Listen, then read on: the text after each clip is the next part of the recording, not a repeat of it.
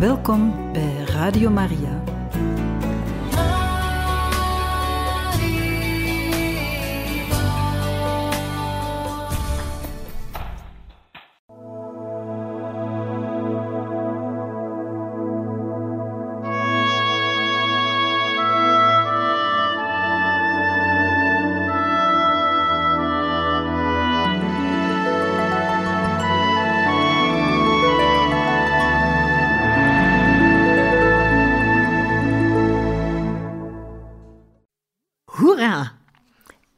Begin een nieuw boek vandaag. En het is een boek over een grote heilige. Over een heel grote heilige. Over de grootste man uit ons land. U raadt het. Damiaan. Een heilige van bij ons, die zijn leven gegeven heeft voor andere mensen, zoals Christus dat gedaan heeft. Het boek werd geschreven door Hilde Einikkel en dat is een historica. De ondertitel luidt De definitieve biografie. Ze vertelt er de mooie dingen in en de minder mooie dingen. Maar het zal een volledige biografie zijn, want zij heeft als historica er een proefstuk opgemaakt en daardoor bij de paters Pikpussen inzage gekregen in alle geschriften, in alle inlichtingen. En nu ga ik vlug beginnen. Hoofdstuk 1 een gekneusde familie. Tussen haakjes 1780, 1840. Damiaan sprak in zijn brieven zelden over zijn jeugd. Hij informeerde wel naar zijn familie en vrienden, maar haalde geen herinneringen op. Toch kun je eruit opmaken welke twee mensen hem het nauwst aan het hart lagen: zijn broer Auguste later pater Pamphile, en zijn zuster Pauline, later zuster Alphonse. Samen met hen had hij het gedrag van hun moeder Cato doorstaan. Dat was niet de vrome boerin die elke avond de acht kinderen om zich heen schaarde bij de haard om er uit het grote boek met heilige levens te lezen. Soms deed ze dat wel, maar doorgaans was ze een harpij, een helleveeg, of, zoals men in Tremelo fluisterde, een heks. Ondernemende grootouders 1780 tot 1815. Damiaans grootvader Hendrik van der Vorst, later de Veuster, werd als Oostenrijk staatsburger geboren.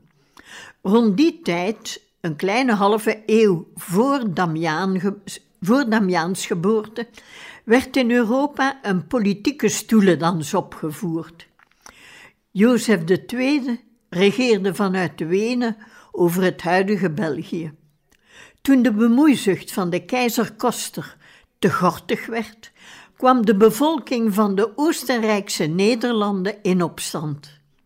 Maar na de Brabantse revolutie bezetten Oostenrijkse troepen opnieuw de vallei van de Dijlen. De spanning steeg enkele jaren later toen in 1789 in Frankrijk een geslaagde revolutie uitbrak tegen de bestaande orde. Aangezien het in Parijs regende, zou het in Brussel druppelen. Maar een regelrechte inval van het Franse revolutionaire leger had men niet verwacht. De sansculotten schudden de aloude routine drastisch door elkaar. Tot 1792 stond de kerk letterlijk, maar nog veel meer figuurlijk, centraal in dorp en stad. Alle evenementen in het leven werden er gevierd en in gemeenschap treurde men erover een overledene. De pastoor had een regelende functie in het dorp. Plotseling werd alles anders. Kerken werden door het Franse bezettingsleger gesloten of omgevormd tot legerdepots of militaire paardenstallen. Huwelijken moesten voortaan voor de staat gesloten worden. Het doopregister verhuisde naar het gemeentehuis. De bevolking, die te zwak was om in opstand te komen, was burgerlijk ongehoorzaam. Men huwde niet meer en er kwam een vloed van buitenechtelijke kinderen. De bastaarden moesten ingeschreven worden in het gemeentehuis. Daar kon de bevolking niet onderuit. Damiaans vader, Franciscus, of Frans de Veuster, werd op 2 april 1801 geboren, voor het huwelijk van grootvader Hendrik met Jeanne Uiterhoeve.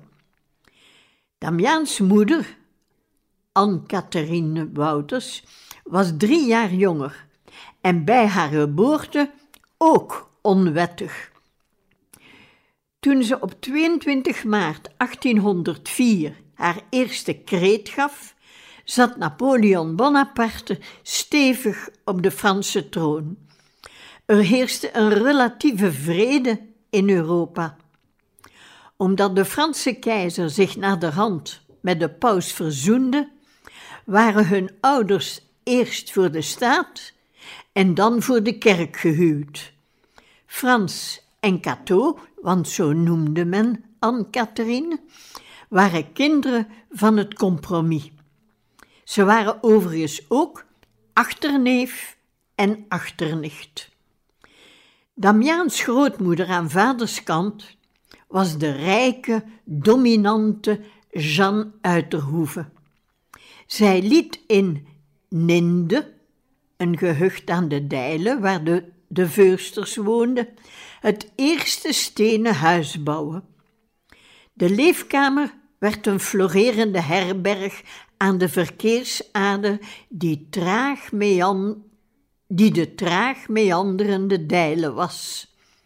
Brabantse paarden trokken zware barken van op de oever voort.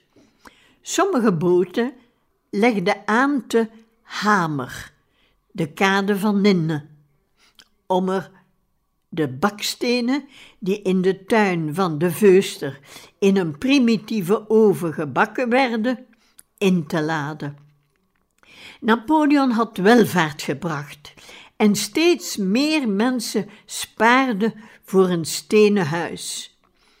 De grond rond het huis in Ninde was ideaal weiland en Jean zette er een handel in afgeleefde paarden op.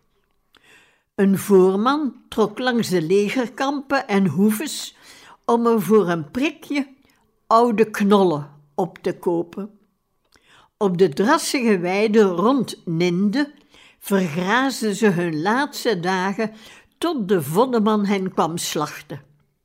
Jean verkocht het taaie enkelvlees aan de armen en liet in grote potten van de beenderen lijm koken.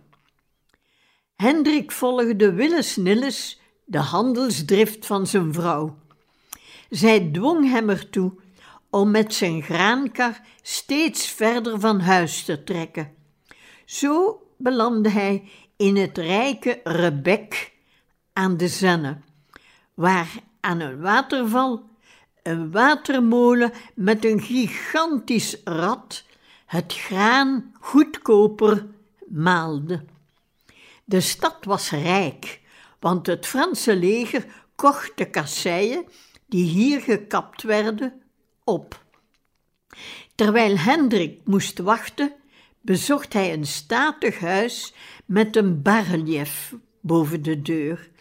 Daarop stonden een leerling, daarop stonden een leraar en twee leerlingen in de toen modieuze empire-kledij uitgebeeld. Kinderen van herenboeren leerden in de prestigieuze kostschool van meester Alexandre Solvay Frans spreken, lezen en schrijven. Ze kregen les in wiskunde, aardrijkskunde, geschiedenis en godsdienst, maar leerden ook hoe ze een grote hoeve moesten leiden. Leerlingen uit heel België, maar ook uit Nederland en Duitsland, waren er ingeschreven. Het kostte Hendrik geen moeite om zijn vrouw te overtuigen hun beide zonen naar deze school te sturen. Ze konden zich het hoge schoolgeld veroorloven. Nuttig was het zeker, want Frans, de voertaal van de school, was de taal van Napoleons imperium. Jeanne, die eiste dat haar zoons haar mamère noemden, hoopte dat de jongens ook een mondje Latijn zouden leren, om net als zij voor de maaltijd het Benedictus te kunnen aframmelen, tot grote bewondering van het personeel. De volgende tocht naar Rebek klommen Frans en zijn twee jaar jongere broer Jacob bij hun vader op de bok in nieuwe, dure kleren. Moeder Cato Wouters van de kostschool naar het kanongedruis 1815 Het jaar daarop ging ook hun nichtje Cato Wouters mee. Na de schok van de eerste schooldagen, Cato verstond geen woord van wat er tegen haar gezegd werd, paste zij zich snel aan en was ze er gelukkig. En om de twee jaar stapte een zus van haar mee op de schoolkar.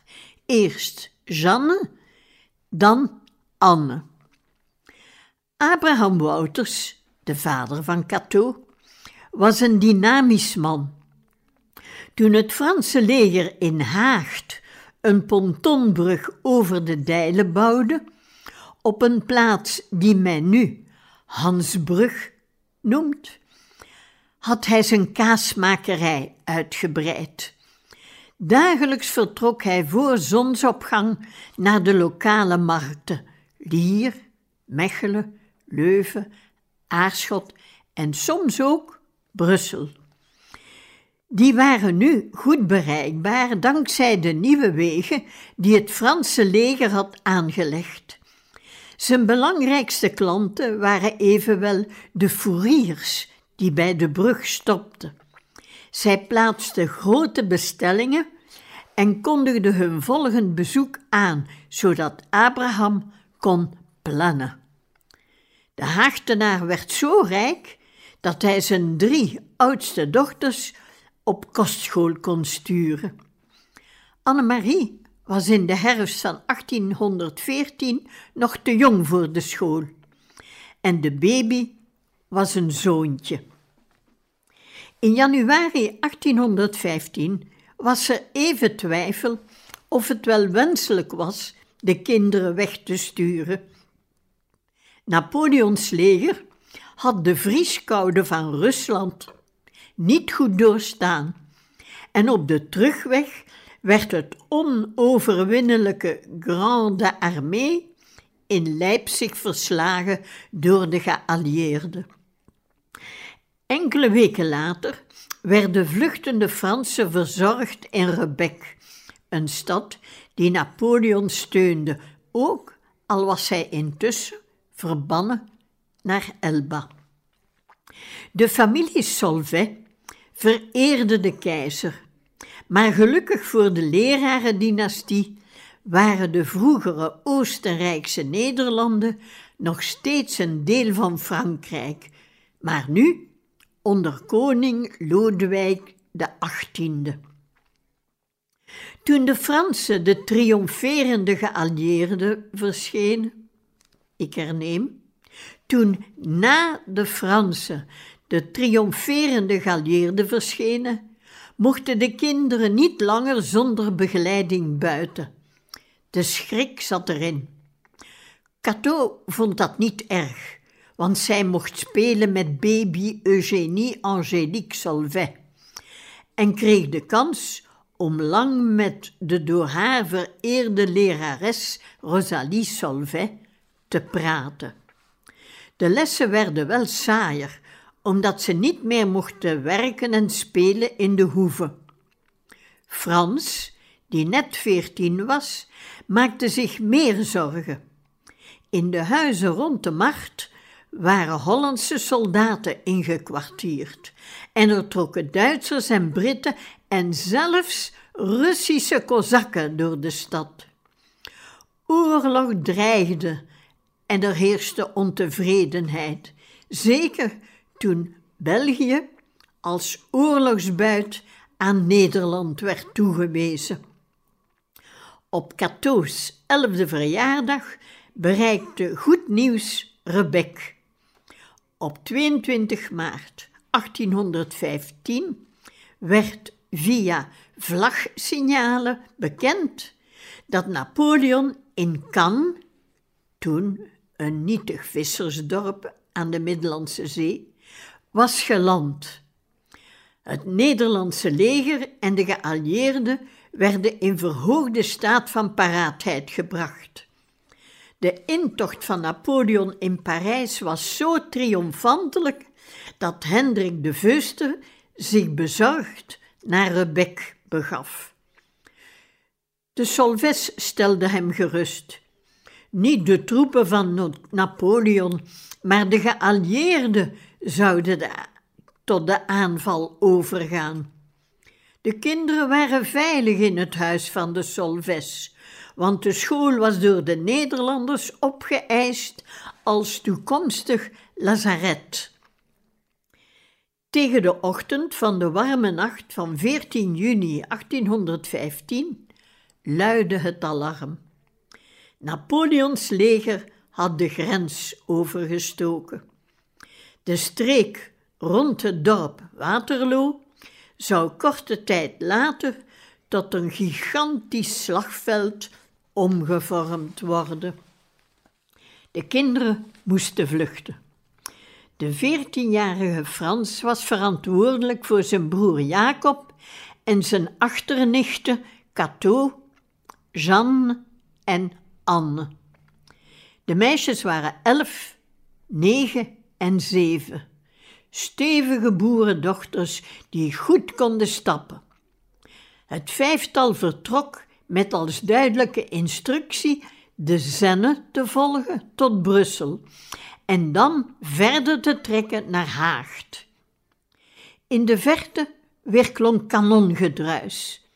Ze moesten wachten tot het oprukkende Engelse leger van Wellington doorgetrokken was. Ze kropen op de hoge berm om een kanon door te laten. Ze stapten richting Halle. Het oorlogsgedreun bleef donderen als een zwaar onweer. Ze waren bang, moe en sliepen in een bosje. Deserteurs dreigden. Ze werden nog banger. De volgende dag, kort na de middag, barstte de hemel open in een hevig onweer. Hagelstenen als knikkers hamerden op hun rillende lichamen. Toen waren ze daar, de deserteurs. De lust schitterde in hun ogen. Ze hamerden een nieuw gedruis in de meisjes, een dat de buik ritmisch openreed. Frans en Jacob stonden er hulpeloos bij. Toen de mannen verdwenen waren, schokten de kinderen verder. Oorlog was bloed en pijn geworden. Oorlog was verkrachting. Eindelijk bereikten ze via Brussel Haagd. Daar had brand gewoed. Huizen smeulden, maar er was een warme thuis die hen opwachtte. Dachten ze, tot ze de werkelijkheid zagen. Soldaten in dienst van de hertog van Braunschweig hadden de pontonbrug in brand gestoken. De kaasmakerij smeulde nog na. Voor de drie meisjes Wouters was er geen thuis meer. Ze waren arm, dakloos, ontmaagd. De tweede veusters kwamen er met het trauma van hun mislukte verantwoordelijkheid vanaf. Hun ouderlijke huis stond nog recht. En nu een stukje muziek toch.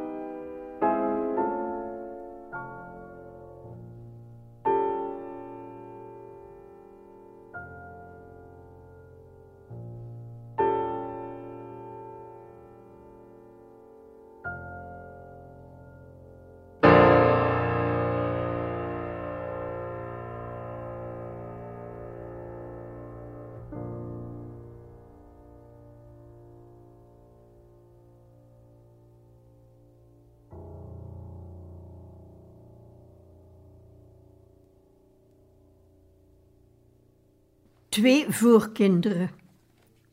1815, 1828. Het beleid van de nieuwe heerser, de Nederlandse koning Willem, was bedrijfsvriendelijk. Hij moedigde de wederopbouw van het verwoeste land aan. Abraham Wouters, die voor zes kinderen moest zorgen, nam risico's. Hij sloot gunstige leningen af en bouwde zijn kaasmakerij weer op. Maar hij misrekende zich fataal. Fouriers bestelden niet langer bij hem. Hij moest zijn mandekes stuk voor stuk op de markten in de buurt gaan slijten. Hij had zijn economische slagkracht overschat en moest nu vechten om te overleven. Een nicht die begijn was, stelde voor de vier oudste dochters, de drie gebroken meisjes en Annemarie, bij zich te nemen. Ze bood kost, inwoning, opvoeding en rust aan. Abraham en Elisabeth namen het voorstel aan en de meisjes trokken naar de kleine woning in het Begijnhof van Mechelen. Daar leerden ze onder leiding van de gekapte bijna non minutieuze borduurwerkjes maken, terwijl ze naar religieuze teksten luisterden. Aanvankelijk bracht deze kabbelende rust de vrede die ze nodig hadden, maar dat aanvankelijk duurde niet lang. Al gauw voelden de opgroeiende meisjes zich opgesloten. Cato telde de dagen tot de bevrijding af. Terug thuis hielp Cato haar vader en haar opnieuw zwangere moeder. Ze stond vroeg op om de wagen met kaas te laden en er alleen mee naar Mechelen te rijden.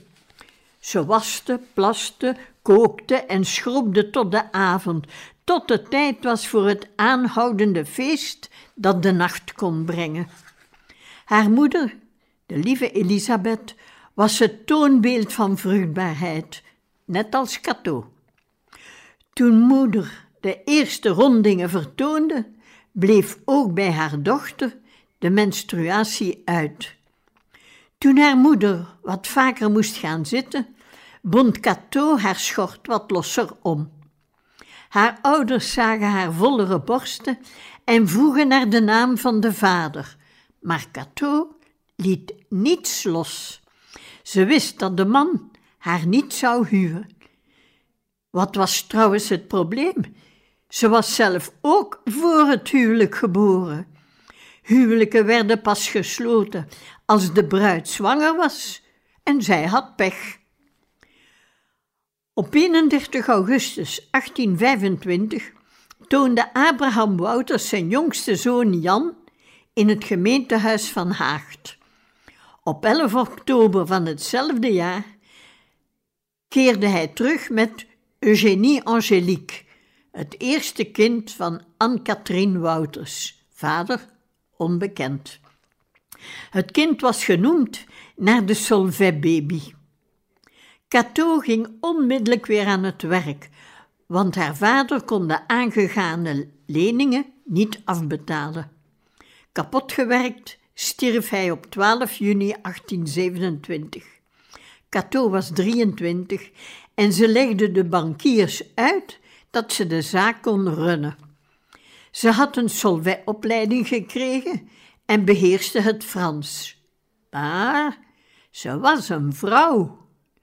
En dus was het antwoord negatief. Ze kon niet anders dan de kaasmakerij aan de Hansbrug te verkopen. Met haar moeder, zes broers en zusters en met haar eigen baby verhuisde ze naar een kleine nieuwbouw vlakbij het klooster van de Ursulinnen in Tildonk. Het leven werd er niet gemakkelijker op. Op 3 januari 1828 stierf Cato's zuster Jeanne aan kraamkoorts. De onwettige baby werd doodgeboren. Cato hield de doemsfeer niet langer uit. Ze was zelf opnieuw zwanger en kon de kritiek van haar moeder niet meer aan. Eén voorkind was nog aanvaardbaar, een tweede niet meer. Daarom trok ze in bij haar oom Egide Govaerts, die in Haagt de herberg Piep uitbaatte. Zwanger en trots diende ze er schuimend bier op. Op 13 juli 1828, Cato was 24, beviel ze in een achterkamer van het café van een dochter die ze Elisabeth noemde, naar haar moeder, en Rosalie naar een Solvay-lerares. Constance was een troetelnaam van de baby, die zou blijven hangen. Er werd gefluisterd dat er een zeker Constant vader was. Het Libertijnse feest ten huize Wouters was nog niet afgelopen. Anne, die negen was toen ze verkracht werd, bracht ook een onwettig kind ter wereld. Ze zou nooit trouwen. Anne-Marie, de vierde dochter, zette in 1829 de respectabele fase in. Ze had besloten om Augustijner hospitaalzuster te worden in Mechelen. Elisabeth was zielsgelukkig. Eindelijk deed een van haar kinderen iets eerbaars. Cato was de volgende die de stap naar respectabiliteit zette. Haar achterneef Frans de Veuster, de man die in 1815 verantwoordelijk voor haar was, had haar ten huwelijk gevraagd. Hij erkende tijdens de burgerlijke plechtigheid op 30 juli 1829 Eugenie en Constance. Voor de kerkelijke plechtigheid moesten ze tot 14 september wachten. Aangezien bruid en bruidegom verwant waren in de tweede graad, moesten ze van de kerkelijke overheid eerst dispensatie krijgen. Die dag was het pas echt feest. Cato vertelde later aan haar kleinkinderen uitgebreid hoe ze zich had opgesmukt. Ze droeg een bloemetjesjurk waarover ze een zwarte zijde schort had gebonden. Over haar schouder schikte ze een ook al zwartzijde sjaal. De witte gesteven kap zette ze over haar strak weggetrokken haar. Zij, de mooiste bruid, bewonderde zichzelf in de spiegel van de bovenkamer van café Piep. Voorzichtig trok ze de witte kousen aan en daarboven katoenen schoenen. Zij die klompen gewoon was, zweefde lichtvoetig naar buiten onder de feestboog die de buren hadden opgericht. Samen met oom Egide en kinderen, met haar moeder en zus Anne, haar eigen kinderen en broertje Jan, stapte ze naar de kerk van Haagd, waar Frans de Veuster haar opwachtte. Hendrik en een afkeurende Jean de Veuster waren er ook. De priester zegende het huwelijk in en legde nog eens duidelijk uit dat het verleden vergeven was, maar dat van beide echtelingen nu eeuwige trouw verwacht werd. Bruid en bruidegom waren zich volkomen bewust dat indien ze verdacht zouden worden van zelfs maar een schamele vorm van schuinschaatserij, de buren slaande op potten en pannen rond het huis zouden dansen. Het was feest. Cato dronk grote slokken schuimend bier en danste de hele middag door, terwijl Frans met zijn vrienden grapte. Als tegen de avond de hoorn van de trekschuit weer klonk, gingen de feestgangers op de oever van de Dijlen staan. Frans en Cato stapten waardig de boot in. Ze zwaaiden van op het dek naar de vierders, die de gebruikelijke obsceniteiten riepen, lachten erom en deinden weg richting Leuven. De paar dagen in de studentenstad waren voor Cato een orgelpunt, een moment van ultieme glorie voor een nieuwe hel, voor ze een nieuwe hel zou binnenstappen.